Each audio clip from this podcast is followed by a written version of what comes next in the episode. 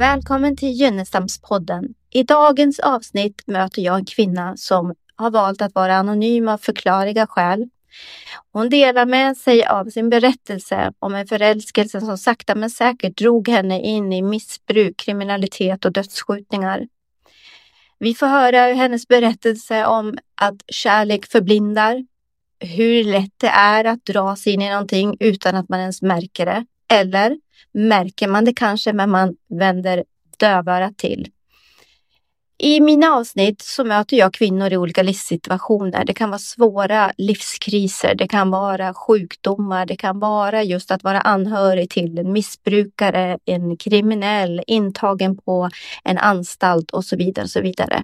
Jag möter även kvinnor som berättar om andra sidan när man kommer ur ett kanske ett destruktivt förhållande.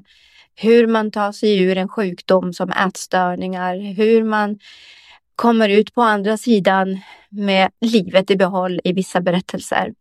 Vi vill även berätta att i den här inspelningen så kan vi på grund av tekniska problem och platsen vi sitter på uppleva ett litet brusande ljud några sekunder i början och vi hoppas ni har överseende med det. Dagens avsnitt handlar alltså om förälskelse, missbruk och dödsskjutningar.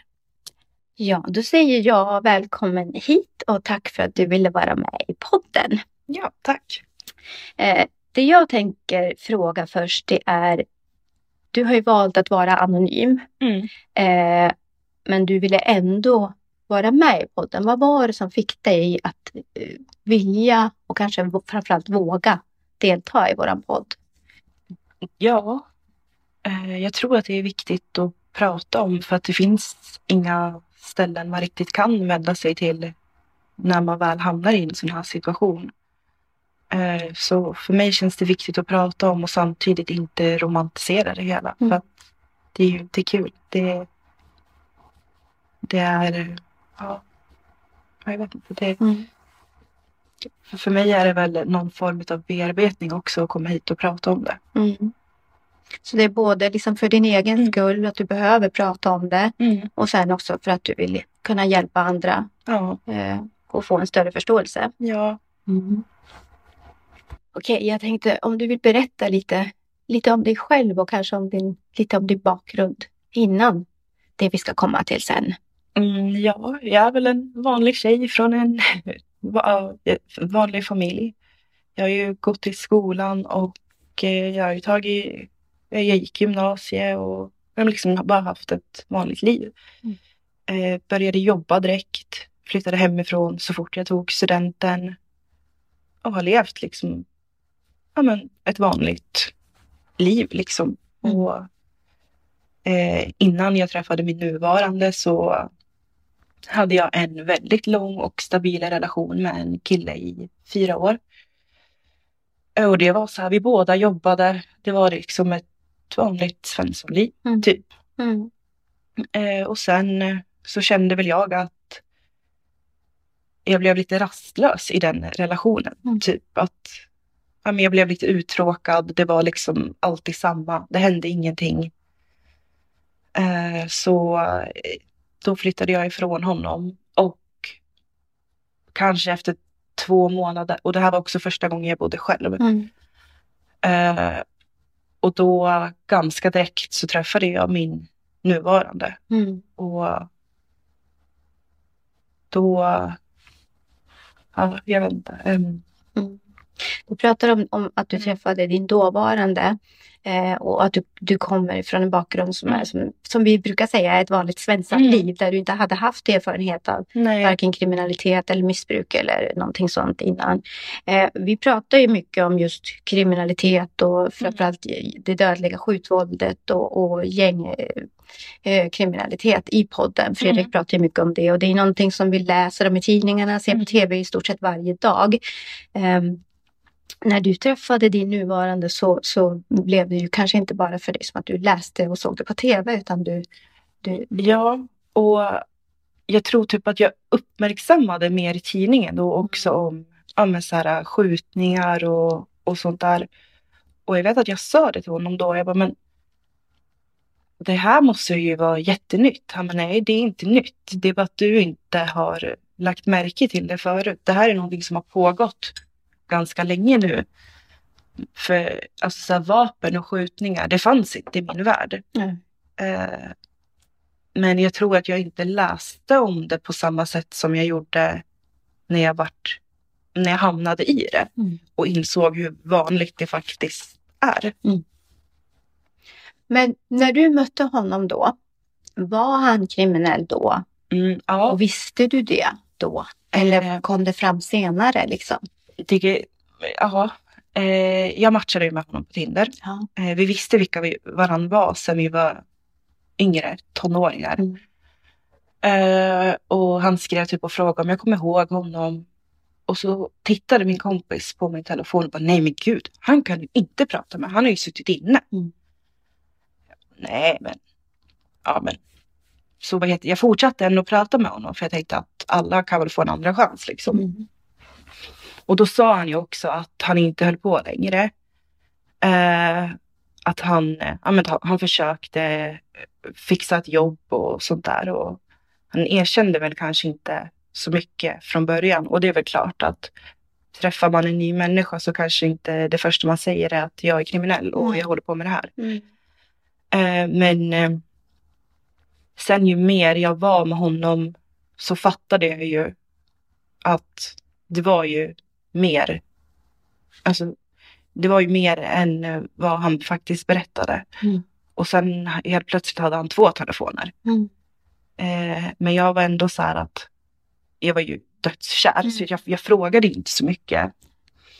Eh, men eh, jag började ju ganska snabbt förstå att han sålde eh, droger. Mm. Eh, och jag vet inte, för mig som hade ha, har haft ett sånt tråkigt eh, liv där det typ inte hände någonting så vet jag inte om jag riktigt fast, alltså så här, jag, jag vet, vet inte om jag tyckte att det var lite spännande Mm. på något vis. Mm. Eh, det hände någonting och ja, jag vet inte och då eh, jag pratade lite med så här, några tjejkompisar om det att ja, men han, han säljer kokain bland annat och alltså så här, kokain det fanns liksom inte i min värld. Men då var det så många av mina tjejkompisar som faktiskt tog kokain. Mm. Och det, det har jag aldrig sett. Alltså, så Så du, du visste inte det? Nej. Eller, ja. eh, det, var, det var så nytt för mig. Mm. Och att de festknarkade, Mm. det var ju någonting de gjorde på toan så att ingen annan, Mm. ingen annan visste om det. Men då när de typ öppnade upp sig om det så tänkte jag väl, ja men det är väl okej då. Alltså Mm. så många av mina vänner i min närhet gör det. Mm. Så då är det väl kanske inte något fel med det tänkte jag. Det blev liksom normaliserat Mm. för dig på något vis. Att du liksom drogs in i det mer och mer. Det Mm. var okej, för han gjorde det och sen var det dina vänner som gjorde det. Ja, och sen mina tjejkompisar kanske också tyckte att det vart lite spännande så att de ville ju vara med med hans vänner och det vart ja men det vart liksom som ja men vi, vi umgicks mycket och, och sådär och då det blev normaliserat på ett helt annat vis när jag fick veta att mina tjejkompisar Mm. också gjorde det och att de ändå var okej med det. Mm. Eh, men eh, sen eh, eskalerade det ju. Det var ju inte bara att sälja droger. Det blev ju annat också. Mm. Eh, som liksom smög sig på mer och mer, eller vad man ska säga. Så att under tiden då så märkte du mer och mer och det, det eskalerade, det blev större och Mm. mer. Eh, kände du, du pratade ju också om att du var galet kär Mm. och det vet man alltså att kärlek kan ju förblinda liksom Mm. och, och man tycker att man, mer och mer saker blir okej när Mm. man är kär. Mm. Eh, men kände du någon gång, tänkte du någon gång när det började eskalera att det här kan inte vara i, funderade du på att lämna eller tänkte du aldrig tanken liksom att, att det, här, det här går åt fel håll? När jag började inse att det var vapen inblandat, Mm. det var då jag kände att oj, nej, nu. Det här är inte riktigt vad jag vill vara en del av. Eh, och det började nog med att eh, en i våran närhet blev skjuten. Mm.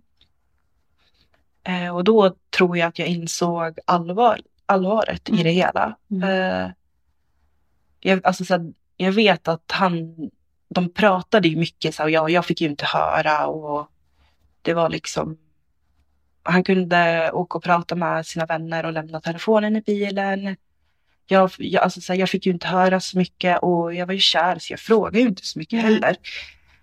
Eh, men, jag fatt, och jag, men jag tänkte väl så här, ja men de, de håller ju på med drogförsäljning. Det är väl alltså, så här, det är klart att jag inte ska höra om sånt. Mm. Och jag frågade inte riktigt heller för att jag, jag egentligen ville jag väl inte veta. För jag ville ju inte vara en del av det egentligen. Mm. Men så blev en av hans närmaste skjuten. Mm. Då började jag känna typ så här, nej men typ så här, vad är det som händer? Varför? eh, Alltså, då började jag bli så här att jag började ifrågasätta lite. Eh, men han blev ju väldigt arg när jag frågade. Så att jag, det var så här, är det värt att ta den här fighten nu? Nej, jag ligger väl lite lågt. Mm. Och det var väl då jag började ta lite avstånd. Jag slu, alltså, vi bodde ihop. Mm. Så jag slutade ju vara hemma ganska mycket. Eh, för jag hade ju, jag hade ju varit med honom, alltså jag var med honom hela tiden. Jag eh, slutade ju umgås med mina kompisar och allting för att han var ju hela min värld. Men då när eh, det vart den här skjutningen, då kände jag att nej, nu lär jag börja ta en funderare på om jag verkligen vill vara eh, vara en del utav det här. För att då kändes det mer verkligt, Mm. typ. Kände du rädsla? Blev du rädd? Ja, eh, jag vart också så här, kommer han bli skjuten? Eh, kommer vi bli skjuten? Alltså det vart... Och då, alltså jag märkte också att det just, alltså bland hans vänner, att det blev liksom en stressad, uppstressad stämning och alla blev osams och det vart så här, alltså alla var stressade liksom. Mm. Och eh, en gång hade, jag var hemma, han hade med, eller hans kompisar kom förbi. Sen hade de med sig någon yngre pojke. Han såg inte gammal ut. Mm. Och jag, då kände jag också bara hur jävla fel det var. För att nu, det är liksom, det här är ju barn. Mm. Eh, och den här killen öppnar sin väska, ska ta fram någonting och då tappar han ett vapen. Mm. Som precis, alltså mitt framför ögonen på mig. Mm. Och jag tänkte ju bara nu, nu dör jag. Mm. Eh, och alltså alla blev ju liksom helt förstenade och bara stod och tittade på varandra. Mm. För de visste, alltså så här, jag visste ju inte att de höll på med vapen också. Mm. För det var ingenting de hade, alltså så här, det var ingen som sa det till mig. Mm. Eh, men då vet, ja men då kände jag bara nej, nu, nu vet jag inte. Alltså så här, det här, jag kan liksom inte vara en del av det här. Mm. Och bara att, alltså så här, den här, nu när han tappade vapnet framför mig, det hade ju kunnat slutat hur som helst. Ja. Och eh, då börjar jag väl känna att, ja, jag vet inte. Jag, eh, jag sa till honom att eh, jag vill inte vara en del av det här. Jag vet inte om vi kan bo tillsammans. Eh, men samtidigt så, han vill ju ta sig ur det här också. Mm. Eh, men det var ju inte bara för honom att göra det heller. Mm. Eh, vi pratade mycket om det och han, han, vill, alltså han ville ju verkligen lägga av. Mm. Eh, så han fick faktiskt ett jobb. Mm. Eh, ett vanligt jobb. Eh, och jag blev, alltså så här, jag blev jätteglad för jag kände att det är ju ett steg i, rätt riktning. Liksom att, ja, men, f- alltså, så jag fick ju hopp om att vi kanske kan få ett normalt liv. Mm. För jag vet ju att han får ju inte pengar på något annat vis. Eh, så att han gör, och han vet, alltså så han kommer ju från, från den här ba- men, kriminell uppväxt. Han vet inget annat. Det här är det enda sättet han vet att få pengar. Mm. Men nu fick han liksom sitt första riktiga jobb. Mm. Och, nej, men han hade planer på att sluta, men det var liksom mitt i det här gängkriget så var det inte bara att lägga av. Ja. Eh, Fick han, eh, blev, blev han och blev du, alltså ni hotade liksom så att om han försökte att lämna, blev han hotad så att han inte kunde lämna? Eller hur, hur, hur menar du? Förklara för lyssnarna, vad var det som gjorde att det inte är så lätt att lämna? Vad är det som gör? Är det just pengarna, att han behöver pengarna eller är det att har du varit inne i det så får du inte komma ut, eller hur? Eh, dels var det han som förvarade väldigt mycket av grejerna. Mm. Och sen i och med det här pågående gängkriget som Mm. blev Mm. så ville de väl kanske in, inte s- riktigt släppa honom. De Mm. behövde väl honom. Jag vet inte riktigt. Mm. Eh, det, vart, det var ju en stressig situation. Mm. Eh, och jag tror alltså så här. Han, jag vet inte riktigt. Han eh, försökte väl lägga fram det. Att men jag har fått ett jobb du och Mm. men, vi behöver dig. Du behöver göra det här och, Mm. och ja. Hur gick det då? Med, med, med, kom han ur det och behöll han sitt jobb eller eskalerade kriminaliteten ytterligare? Eh, det eskalerade för eh, det blev. Ja, men det blev alltså det, det blev sådana intriger. Mm. Att, ja, det var liksom så att ingen ville liksom gå själv på gatan. Nej. Eh, och jag, eh, ja jag vet inte, jag, det var flera gånger jag liksom sa till honom att nej nu får du faktiskt flytta härifrån. Jag, Ifrån dig då? ja, Mm. jag själv blev alltså så stannad av, jag vet inte vad man ska säga, deras, an, de som de hade Andra gängmedlemmar? Ja, precis. Alltså, ja. Eh, för att de letade efter ja, men, folk i min närhet. Liksom. Blev du hotad av, av andra gängmedlemmar också? Eller bara liksom stannade det vid att de stannade dig och frågade? Eller Ja. kände du dig rädd och hotad när du gick ut då? Eh, då kände jag mig rädd. Mm. Alltså, det, var liksom, det var fyra män som ställde sig runt mig. Mm. Och då, alltså, så de var ju inte, de hotade ju inte mig. Men de var ju ändå väldigt hånande på något vis. Mm. Eh, så ja, det första jag gjorde det var ju att ringa Mm. till min kille då, och, ja, och de var ju utanför mig på tre sekunder. Mm. Eh, men då var ju de här killarna borta. Mm. Eh, men sen då började jag ju känna mig väldigt otrygg. Mm. Eh, sen eh, när han väl åkte in, Mm. då fick jag ju höra att jag var hotad. Mm. Men det var liksom, det kom inte från dem utan det kom från andra runt om. Mm. Sen om det var på riktigt eller inte, det vet jag inte. Nej. Blev du själv, du säger att det eskalerade för honom, Mm. det blev värre och värre. Blev du själv någon gång delaktig i eh, brottsliga handlingar? Hjälpte du till på något vis? Eh, liksom, eh, Jag körde, alltså, när jag, jag kunde köra dem ibland Mm. när de skulle, t- jag vet, jag vet inte riktigt vad de planerade. Du men, fick inte veta? Nej, Nej. Eh, jag satt ju alltid kvar i bilen. Mm. Eh, men jag var ju den som hade körkort och bil. Mm. Eh, Sen eh, min kille ville ju absolut inte att jag skulle köra. Eh, Blev du pressad till att köra då? Eller Nej, men för jag kände- eller? han blev ju pressad Ja, för okej. att han har ju någon som har bil och körkort. ja. Och eh, alltså de blev ju osams så många gånger och jag kände att men jag vill ju underlätta för honom. Jag vill inte att eh, det ska behöva bli onödiga konflikter och bråk. Mm.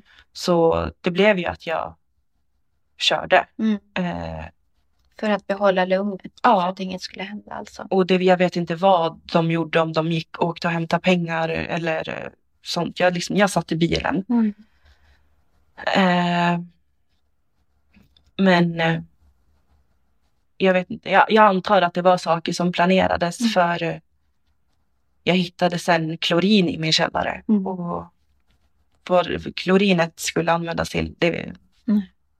antagligen någonting brottsligt. Men Mm. det Men var, du frågade aldrig? Och... nej, dels för att jag inte ville veta. Mm. Och sen så ville han ju egentligen inte blanda in mig heller. Nej. Eh, och vi blev ju osams så många gånger för att jag sa ja till att köra. Mm. Eh, för när de står där och tjafsar om hur de ska ta sig, ja men hur de ska transportera sig hit och dit, Mm. Då sa jag bara nej men jag kör. Mm. Och då vart ju han och jag egentligen osams. Mm. Men de som han umgicks med, de bara, "Ah, men skitbra nu kör, alltså hon kan köra. Mm. Men eh, han gillade ju det absolut inte. Så det blev ju väldigt dålig stämning mellan Mm. oss också. Så du blev egentligen liksom indragen och pressad av, av hans eh, gäng Ja, kompisar om man säger så istället för, för honom. Mm. Han ville inte nej. hålla, liksom att han ville hålla dig utanför. Så, mm, förstår. du, du berättade om eh, när den här unga pojken kom och, och, och tappade ur ett vapen ur väskan. Var det, var det liksom den gången du kände att det var det värsta som hade hänt eller var det någonting som var kan du minnas liksom att det här var det, det, det, det värsta eller det mest eh, otäcka som hände som fick dig att liksom verkligen att förstå att du är mitt inne i något riktigt allvarligt och farligt? Eh, ja, för då trodde jag ju typ att jag skulle dö. Ja. Nu vet inte jag rikt- riktigt hur vapen och sånt fungerar men Mm. jag tänker att om den hade varit säkrad att Mm. hade jag blivit skjuten då. Mm. Jag tror att det, ja, men det då när han tappade vapnet Mm. precis framför mig Mm. och när en av Spännande. hans vänner blev skjuten, att det var verkligen så här, nej nu Mm. är det typ på riktigt. Att det skulle kunna hända igen. Ja, Mm. Och jag tror att jag började lyssna lite mer på vad, hans, vad de pratade om. om alltså så här, de pratade ju aldrig riktigt framför mig men det var ju ändå mycket viskningar och, och hit och dit. Och det, jag fick ju höra att det hade varit eh, biljakter och slagsmål och Mm. jag vet inte vad. Så Mm. då började jag också fatta att det var en pågående gängkonflikt. Mm. Någonting som jag hade väl läst om i tidningen Mm. men inte riktigt kopplat att det var de, alltså så att min kille hade med det att göra. Och inte förstått att du befann dig med det själv kanske. Nej. Eh, jag tänkte fortsätta gå in på det här med att eh, missbruket. Att eh, han sålde inte bara droger utan han tog droger själv också. Eh, hur, hur, hur pass allvarligt var hans missbruk? Eh, han hade ju ett tablettmissbruk. Mm. Eh, han åt eh, väldigt mycket tramadol. Vad är tramadol för de som inte vet? Jag vet knappt det själv, Nej. men det är väl någonting som... Det är väl ett smärtstillande preparat Mm. som eh, jag tror att det bedövar ens känslor lite grann. Okej. Mm. Eh, jag tror om man har mycket ångest och sånt där och mår dåligt att det, det bedövar. Eh, så som jag, om jag har förstått det rätt. Ja. Eh, men det var... Det erkände väl inte han för mig. Mm. Det, tog, det tog väl ganska lång tid innan han berättade det för mig.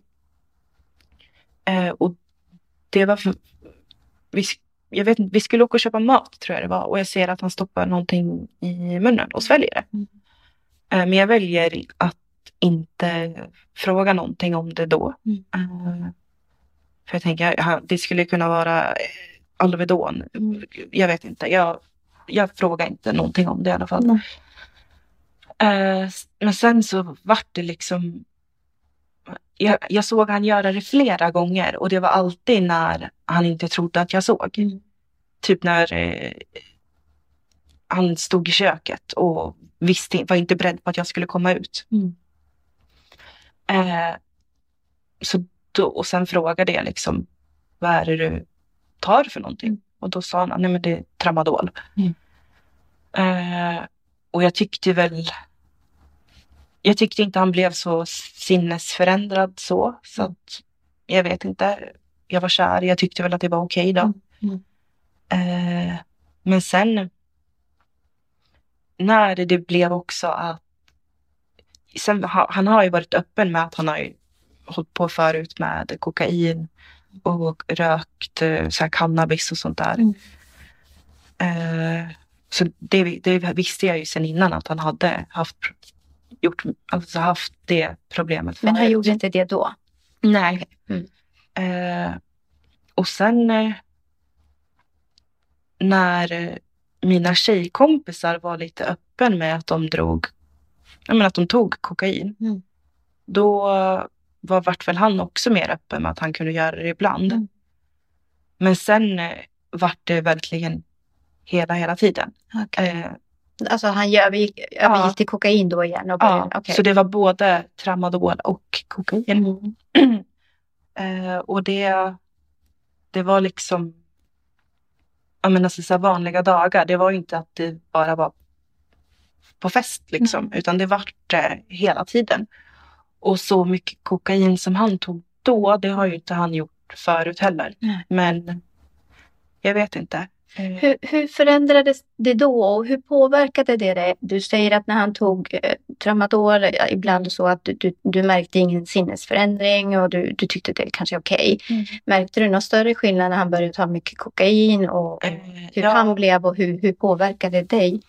Eh, han blev ju väldigt lätt irriterad. Mm. Eh, och jag märkte, jag märkte direkt om han hade tagit för mycket. För då blev han ju, ja men det var nästan som att han blev folkskygg mm. typ.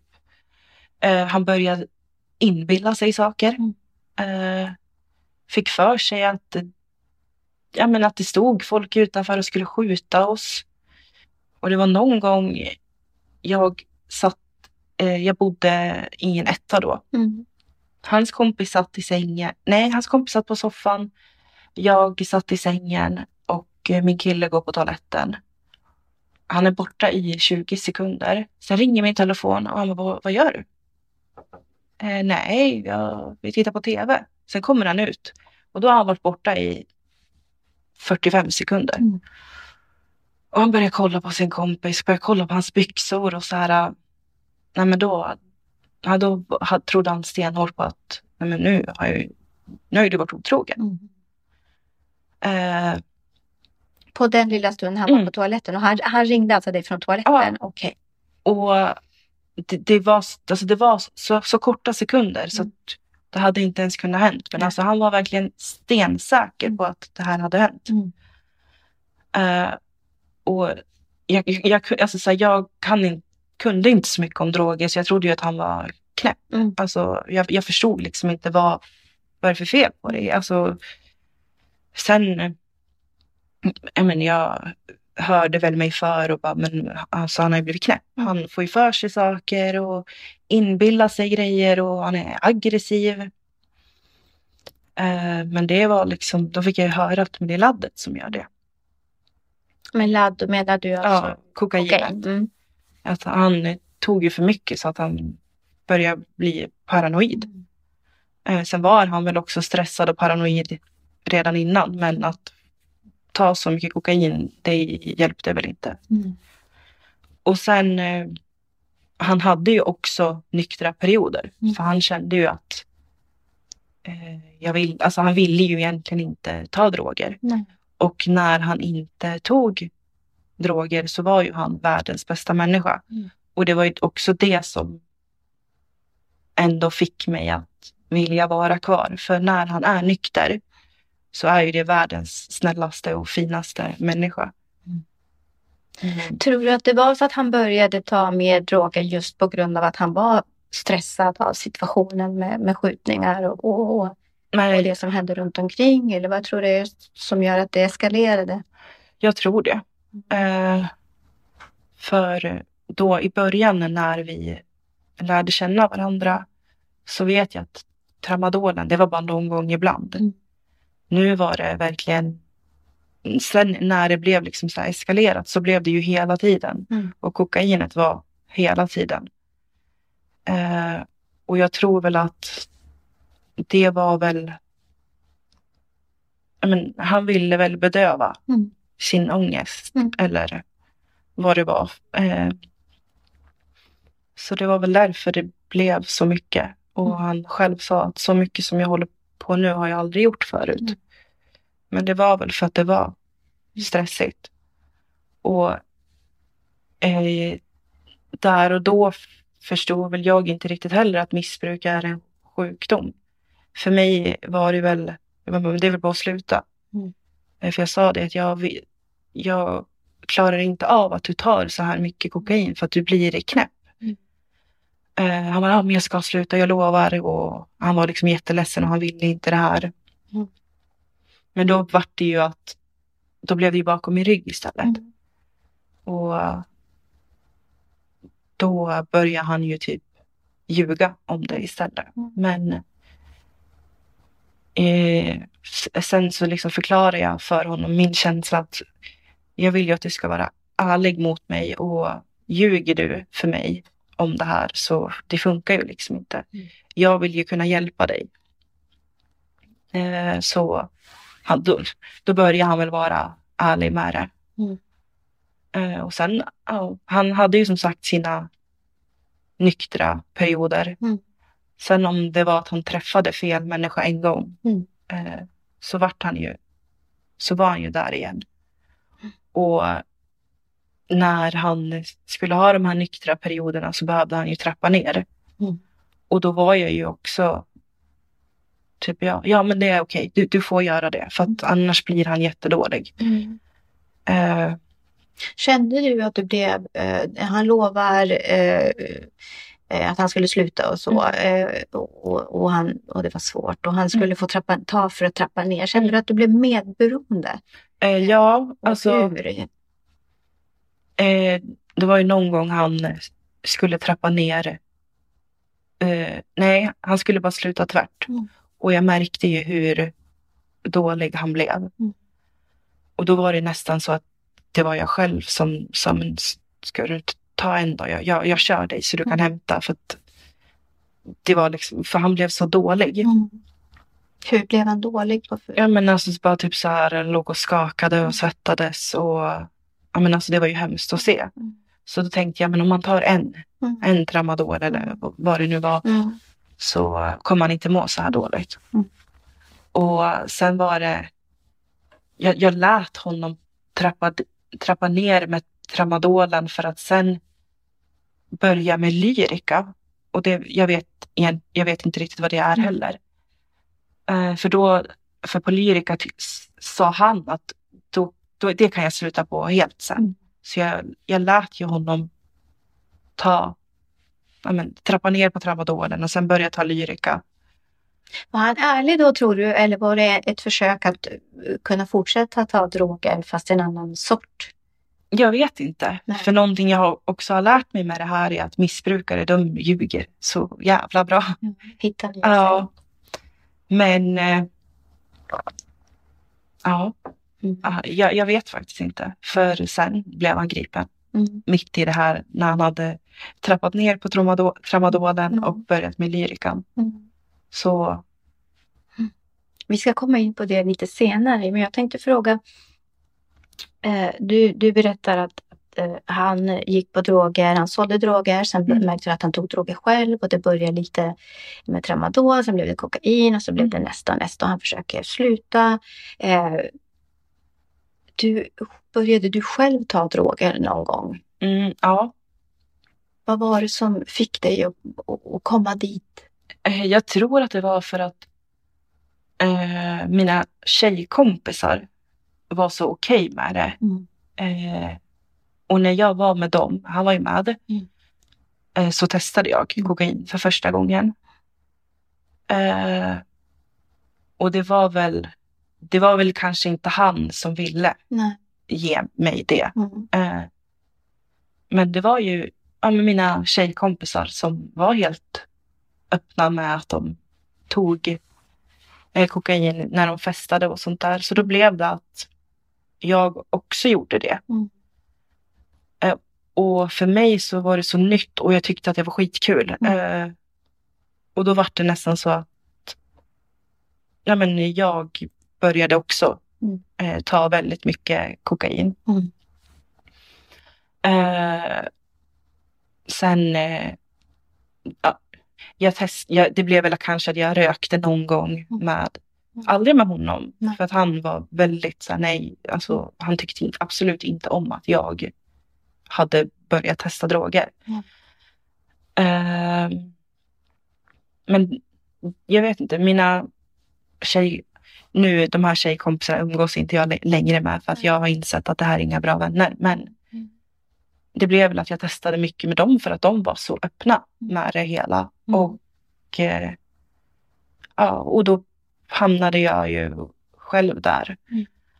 Och sen vart det ju mer än till, än till det vart ju inte bara i festsammanhang utan det blev ju vid andra tillfällen också. Och sen så, så var det faktiskt han som sa stopp nu, Mm. nu, alltså det räcker. Mm. Och han märkte ju också att fick jag inte det så blev jag irriterad eller sur. Och sen vet jag att han pratade med mina tjejkompisar och sa det att nu, nu räcker det. Eh, hon ska inte hålla, hon, hon, jag vill inte att hon tar någonting.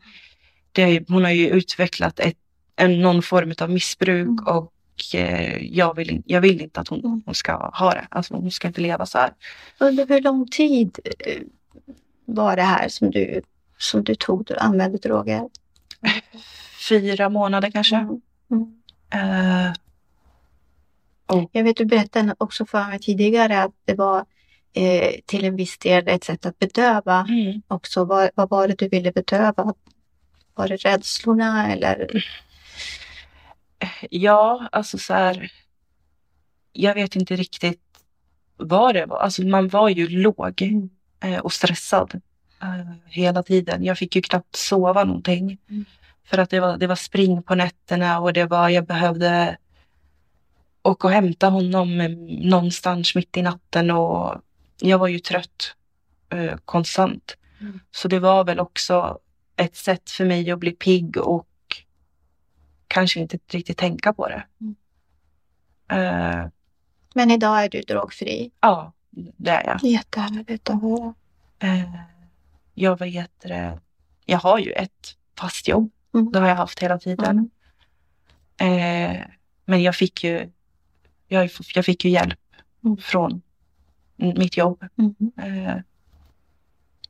Så jag vet inte, det vart väl, jag var väl väldigt medberoende och det tror jag jag har varit hela mitt liv. Mm.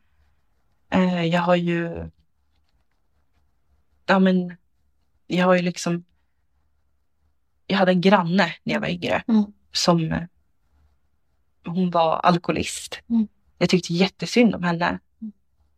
Och när jag var yngre, då, hon var alltid så ledsen för att hennes, hennes barn var elaka mot henne och jag vet inte vad.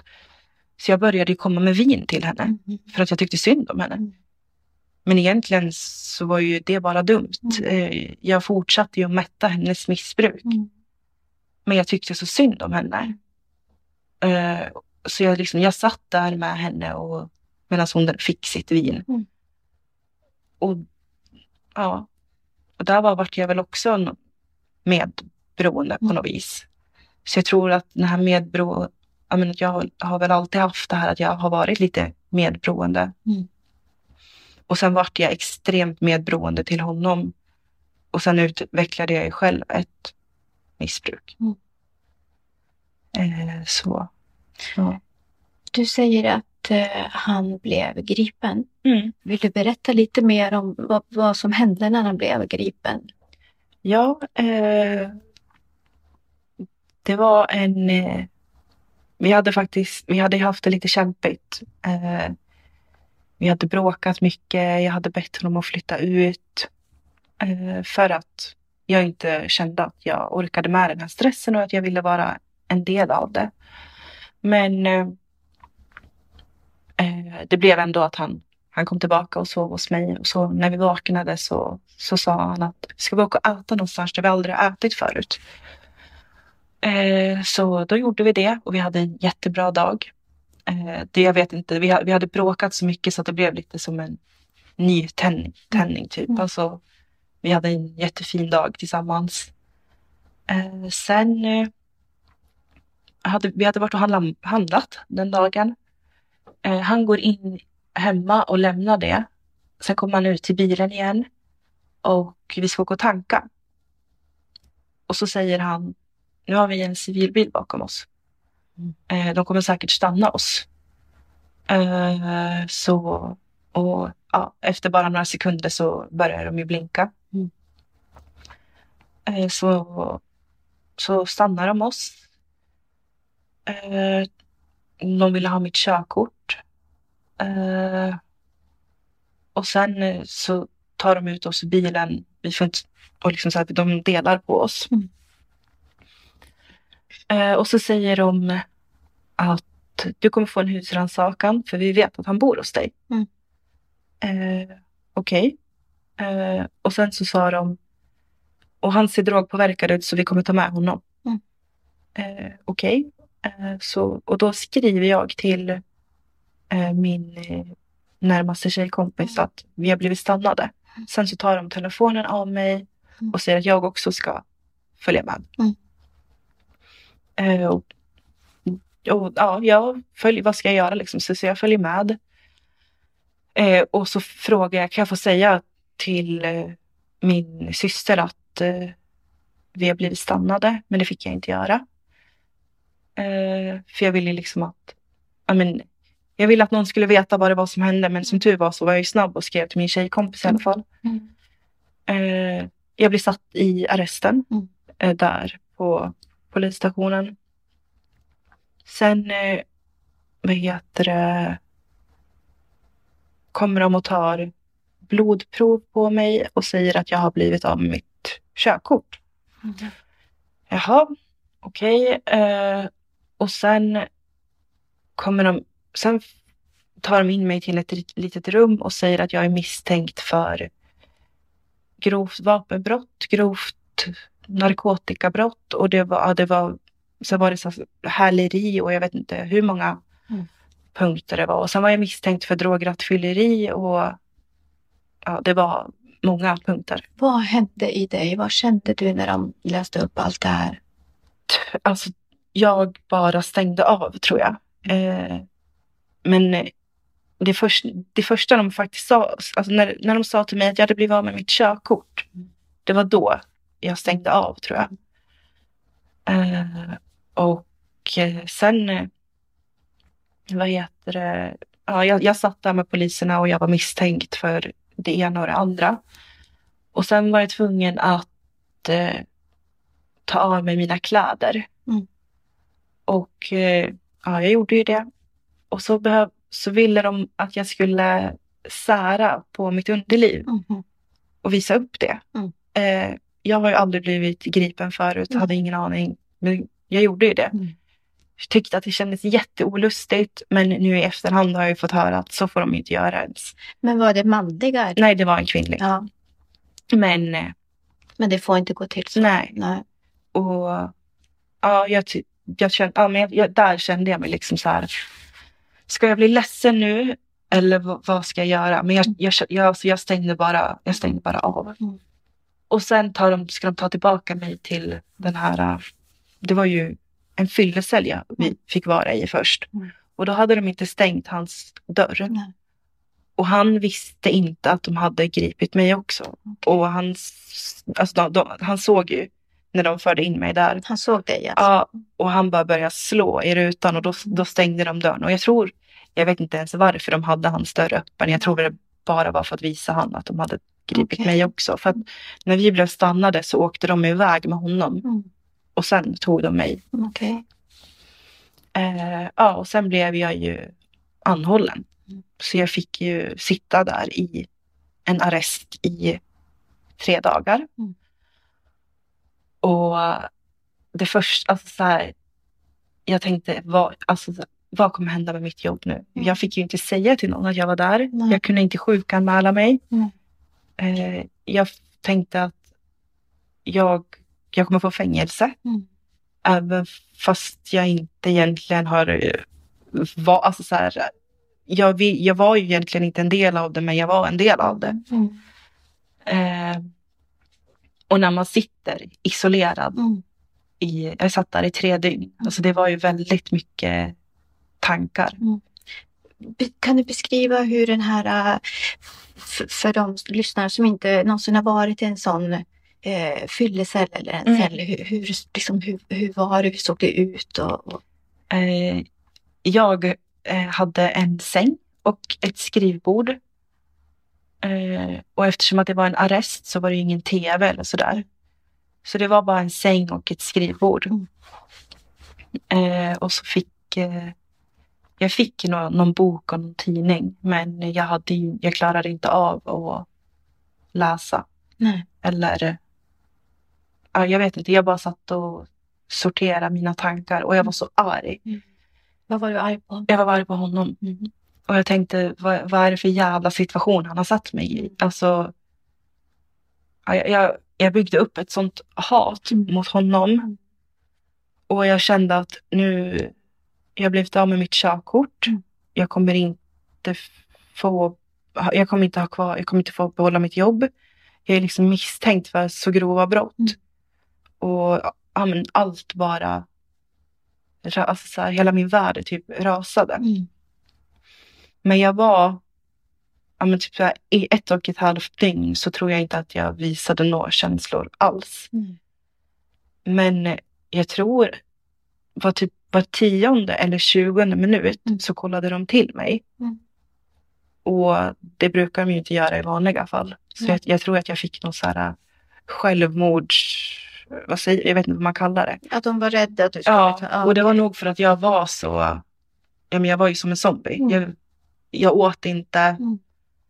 Man fick eh, så här, Findus frysmatlådor. Men jag tog typ en tugga, Mm. drack vattnet och sen kast, fick jag ju gå och kasta det. Mm. Och eh, sen frågade de mig om jag ville... Jag, hade, ju- jag, jag röker ju så att jag fick ju gå ut och röka tre gånger per dag. Mm. Och sen frågade de om jag ville gå på promenad. Mm.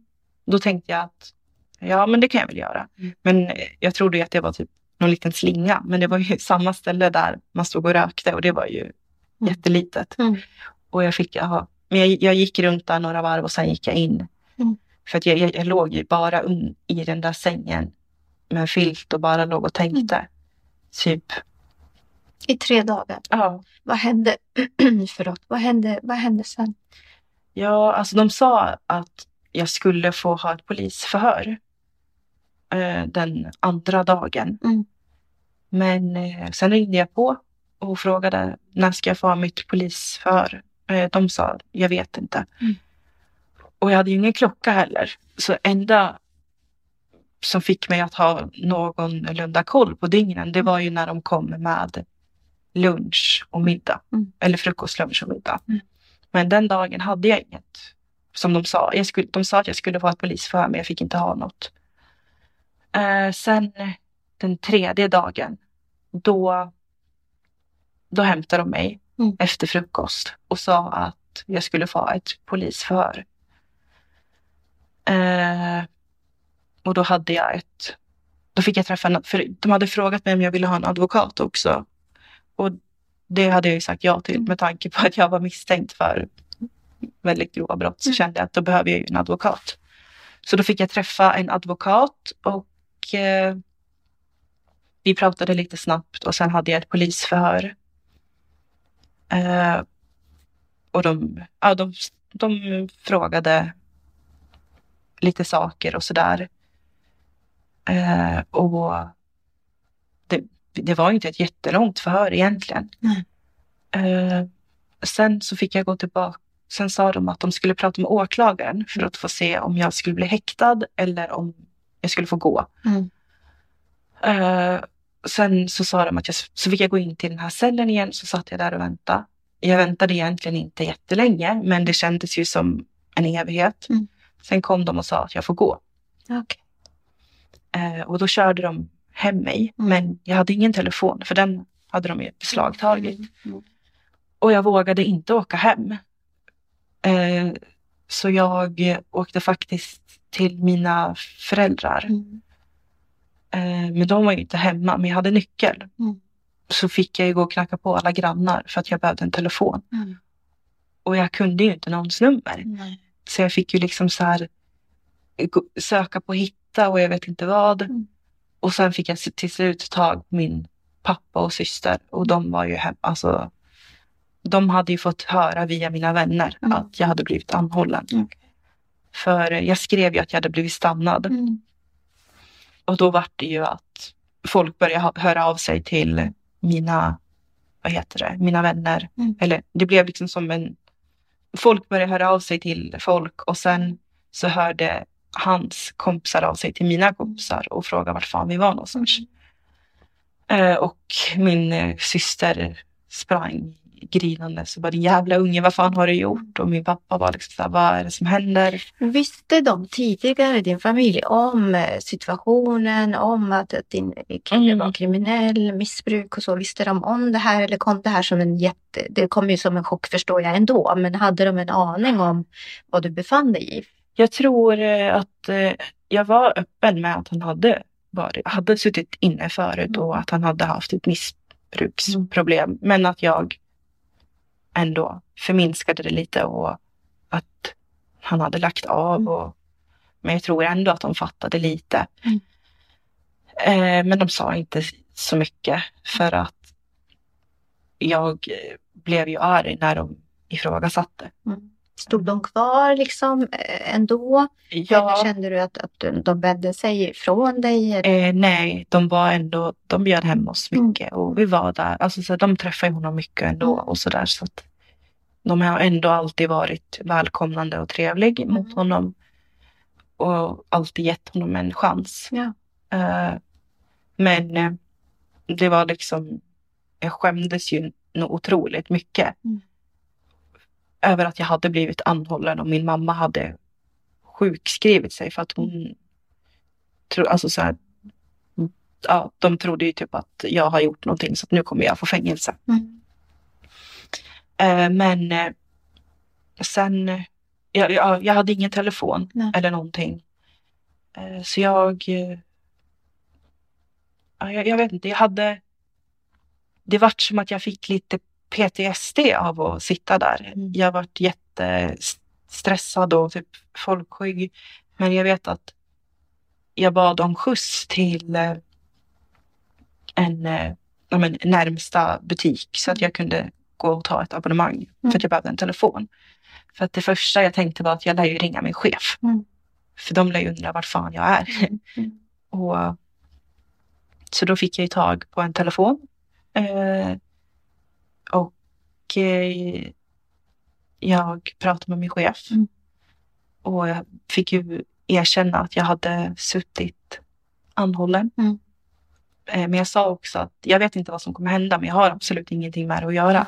Eh, eh, jag, jag har, de har inte släppt misstankarna mot mig men jag behövde inte vara häktad i alla fall. Mm. Och eh, Hur Nej. blev du bemött av, av din chef och din arbetsplats? min chef tog det faktiskt ganska bra. Mm.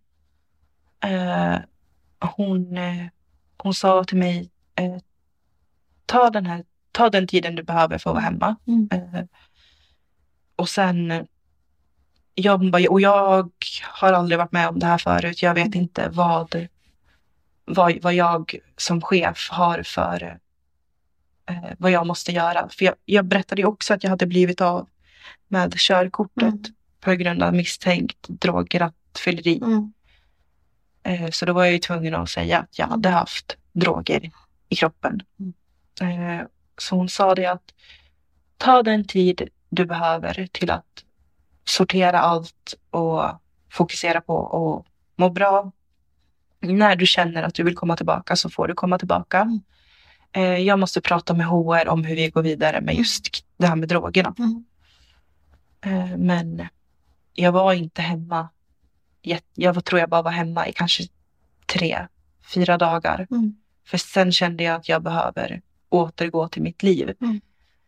För jag, och så visste jag inte vad kommer hända med min kille. Mm. Vad, är vi tillsammans? Är vi inte tillsammans? Mm. Eh, jag, liksom, så jag visste ingenting. Men sen då fick jag ett brev. Mm. Här, då hade det bara gått fem, fem sex dagar tror Mm. jag. Så han satt häktad då? Ja, Mm. jag fick ett brev på onsdagen tror jag att det var. Och han blev häktad på torsdagen veckan innan. Så Mm. jag fick ju brev jättesnabbt. Mm. Eh, och jag hade ju tänkt att jag skulle skriva ett brev. Mm. För jag kände att okej, jag har ändå bott med den här människan. Mm. Jag vill ändå, jag tänkte ju att det är just, det, är just, det kommer ju vara slut nu. Mm. Eh, För jag var ju så jävla arg på Mm. honom också. Mm. Eh, men jag tänkte väl att jag vill ju ändå, jag har ju levt med den här människan, jag vill ändå avsluta det på ett bra sätt. Så jag hade ju, jag hade varit den dagen och köpt eh, så här, ett block, pennor, frimärken. Mm. Eh, så, men då när jag kom hem så ser jag att jag har ett brev, Mm. ett handskrivet brev liksom. Och då fattade jag ju direkt att det var från honom och jag bara ramlade ihop Mm.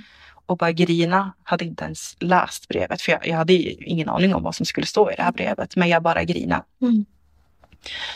Eh, och jag fick ett väldigt långt brev där han bad om ursäkt över vad han hade dragit in mig i. Mm. Att det, det, aldrig hade, det var aldrig hans mening med att jag skulle bli delaktig i det hela.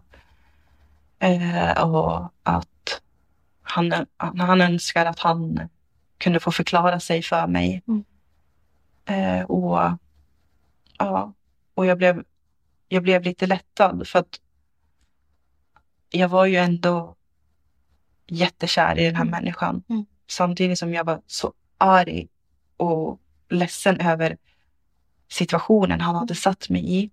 Och situationen jag har liksom fått leva i. Alltså den här stressen och gängkriminaliteten och hans missbruk och mitt missbruk. Alltså så här, jag visste liksom inte riktigt hur jag skulle känna. Nej. Eh, men jag svarade ju på, på det här brevet. Och innan vi blev anhållna, då hade han varit så stenhård på mig att jag vill absolut inte att du tar droger. Mm. Så jag hade liksom, jag hade inte tagit droger på länge då. Men sen hade vi som sagt haft det jävligt struligt och vi skulle flytta ifrån varandra och vi, ja, vi visste liksom inte riktigt var vi stod. Mm. Så då hade jag ju faktiskt tagit droger bakom hans rygg. Mm. Och han hade ju ingen aning om att jag hade blivit av med körkortet för han Mm. trodde ju liksom inte att jag hade tagit någonting Mm. eller sådär. Mm. Men det här var i alla fall på onsdagen jag fick ett brev. Mm. Eh, på torsdagen då får jag ett brev från polisen som säger att han har ansökt om att få träffa mig. Mm. Eh, för han, och han skrev också att det, eftersom vi har din telefon så kan jag inte få tag på dig men jag åker och lämnar det här brevet. Mm. Och har du en telefon så kan du ringa det här numret. Eh, så jag ringer ju det här numret och eh, jag får ju träffa honom redan dagen efter på fredagen. Mm. Och då hade han suttit häktad en, en vecka och en dag. Eh, så då åkte jag och träffade honom. Vi fick ju inte prata om brottet. Eh, men vi fick ju prata allmänt. Och jag fick ju ändå berätta att jag, hade, att jag var misstänkt för drograttfylleri och eh, ja, ringa narkotikabrott. Mm. Och han blev ju så, alltså han hade ju liksom ingen aning. Nej. Eh, Han blev ju jättebesviken och ledsen för att han trodde ju att jag inte hade, att jag hade liksom inte tagit någonting på länge. Men jag fick ändå, då fick jag ju förklara att då när vi bråkade som mest den kvällen så Mm. då gjorde jag det. Mm. Eh, men, och han sa också att eh, jag har sagt att du inte har någonting med det här att göra, Mm. att jag har tagit på mig allting. Mm. Eh, och han bara, och det har jag sagt hela tiden och ja, han bara, jag, jag ber jättemycket om ursäkt över att du fick sitta i arresten. Mm. Men han bara, jag blev jättelättad när jag såg att det bara var jag som var häktad. För Mm. det har jag satt, sagt sen redan de satte mig i, bilen. Mm. Då när vi blev stannade att du har absolut inget med det här att göra. Eh, ja, så det var jätteskönt att träffa honom då. Men han sa också det att du vet att jag kommer få ett jättelångt Mm. fängelsestraff. Eh, och ja, Men, men hur, du blev alltså släppt och, men misstankarna mm. fanns kvar. Men hur, hur ser det ut eh, idag? Hur eh, ja, med det? de blev ju släppt Mm. ganska snabbt, kanske Mm. efter Så du blev Två, inte tre. åtalad Nej. eller dömd för någonting? Men han blev... Ja, han blev Ja. dömd. Mm. Men jag fick... Eh, polisen hörde av sig till mig sen och sa att de har släppt misstankarna kring drograttfylleri för jag hade ingenting i blodet. Okej. Däremot hade jag i urinet Mm. så att jag fick ju en ringa narkotikadom. Mm. Eh, men eh, ja, han... eh, Han... eh, ja, jag blev ju släppt Mm. eh, eller misstankarna Mm. blev ju släppt från mig ganska snabbt. Mm. Men vi fick ändå träffas. Eh, Mm.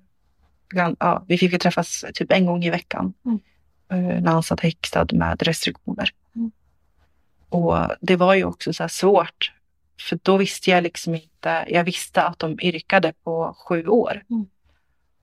Och då var det väldigt så här. Ska jag vänta på dem så här länge? Mm. Eh, jag visste ingenting om hur, hur det funkar att ha en relation med någon i, som sitter i fängelse eller sådär. Mm. Så det var, det var ett svårt val. Mm. Eh, samtidigt som jag älskade honom jättemycket och Mm.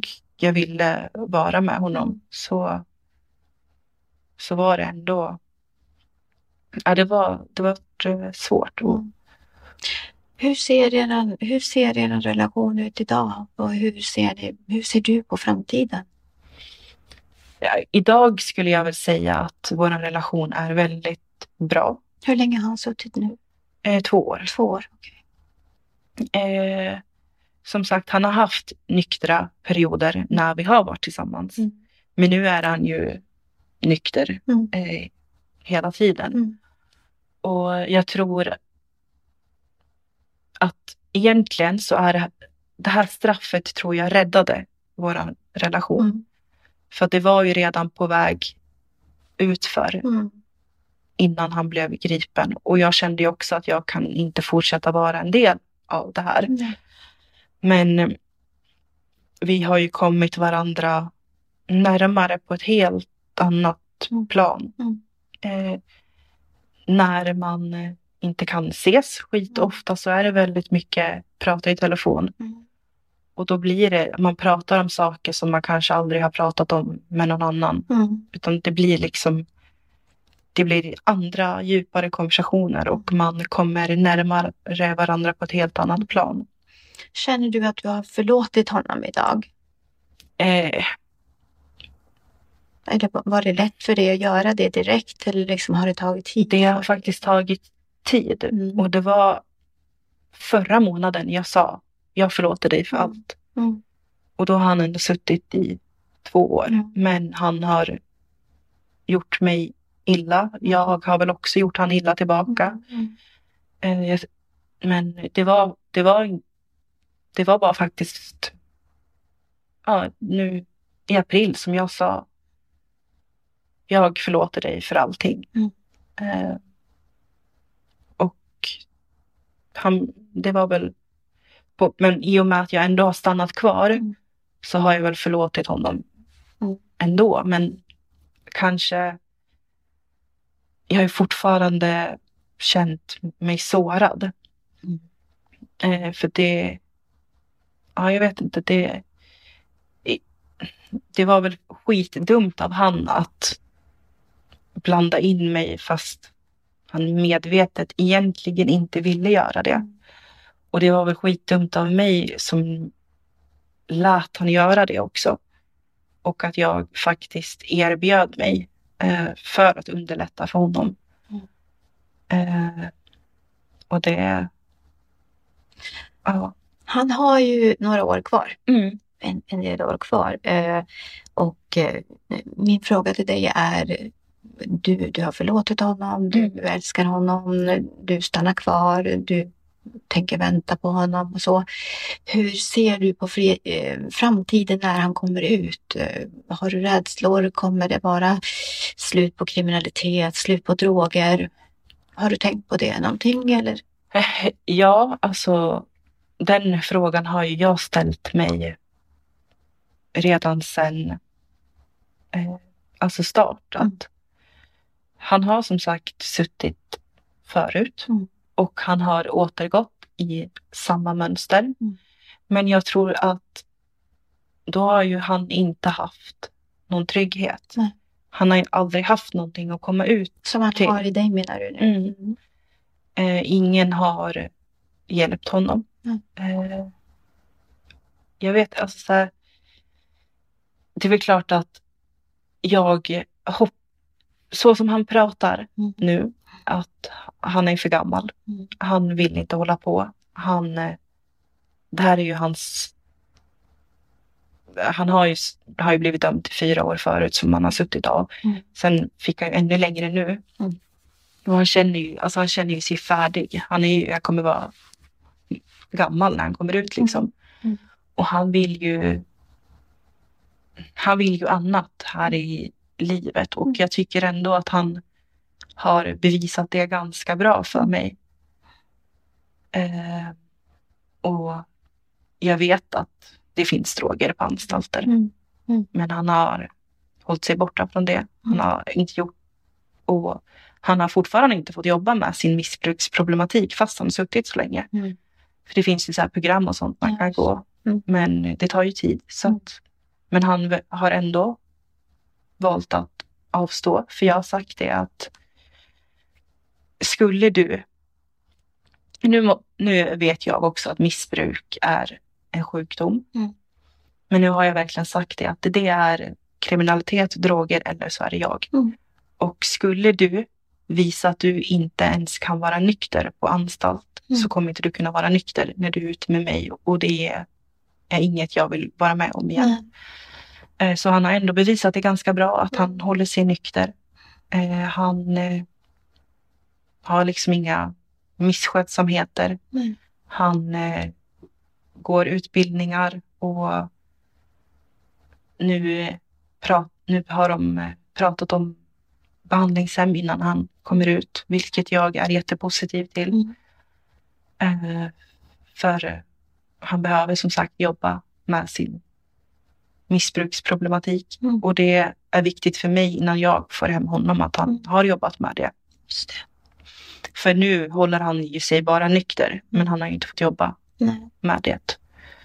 Och ja, han, han har ju liksom framtidsplaner och drömmar och han vill ju inte leva så här längre. Nej. Och det ville han ju egentligen inte då, där på slutet heller. Mm. För när han faktiskt skaffade ett vanligt jobb, Mm. för då ville han ju ha, han ville ju ha ett vanligt liv. Men då var det så svårt för honom att ta sig ur det. Men nu finns det ju inga som håller kvar honom för att Mm. de är döda. Mm. Så Jag tänkte fråga om du hade fått ändra på någonting. Eh, eh, om du tänker tillbaka. Såklart att du inte hade velat vara med om det var varit med om och, och, och suttit i arrest och han åker iväg. Men hade du, vad hade du ändrat på? Jag tänker på i början när ni träffades och sådär. Hade du ändrat på någonting då? jag tror nog att jag hade varit mer, frågat mer och varit mer bestämd. Samtidigt som jag, jag är jätteledsen över att jag hamnade i allt det här. Men jag vill inte heller säga att jag ångrar att jag träffade Nej. honom. Mm. För det är ju liksom, det är min allra bästa vän här i livet. Mm. Eh, men om det är någonting, det är väl att jag inte var hårdare. Mm. Att jag inte satte ner foten tidigare. Mm. Och för som sagt, jag lät det... Nu ringer han här. Ja, då tar vi en paus. Då är vi tillbaks. Vi fick ett samtal, eller du fick ett samtal inifrån anstalt här. Så eh, jag har en sista fråga till dig. Eh, om du fick säga någonting till andra kvinnor som befinner sig i, i din situation som du var innan eh, eller ja, nu också. Vad, vad, vad skulle du vilja säga? Jag, jag vill ju inte romantisera det här på något vis. Mm. Egentligen tycker jag att träffar man en sån här alltså, människa som är så mitt uppe i det Mm. lämnade. Eh, för det, det, så som jag har levt och det man har fått gått igenom, det skulle jag inte önska någon annan. Och jag vet att det är så mycket unga tjejer som typ romantiserar det här idag. Mm. Men alltså det är, det är inget, man vill inte leva så här och man vill inte, man vill inte vara mitt uppe i det. Mm. Man vill inte behöva känna sig rädd. Eh, och nej, det, men nu, det är väl, det är så lätt för mig i efterhand att säga att Mm. det är bara att lämna det. För att när jag var mitt uppe Mm. i det så var det inte så lätt att lämna det. Eh, jag, alltså, jag eh, önskar att jag inte var en del av det. Och jag önskar att jag hade gått därifrån tidigare. Men jag önskar och jag vill inte heller säga att jag ångrar att jag träffade min partner. För att, Mm. ja, Det är inte så lätt med andra ord. nej. Nej. Jag vill tacka dig så jättemycket för att du vågade eh, vara med och ville dela din eh, Ja. berättelse. Och jag önskar både dig och din kille eh, stort lycka till Ja, eh, i framtiden. Ja. Och du kanske dyker upp igen i podden. Ja. Det, det vet vi inte riktigt än. Så tack så jättemycket. Ja, tack själv för att jag fick komma. Tack. Hej.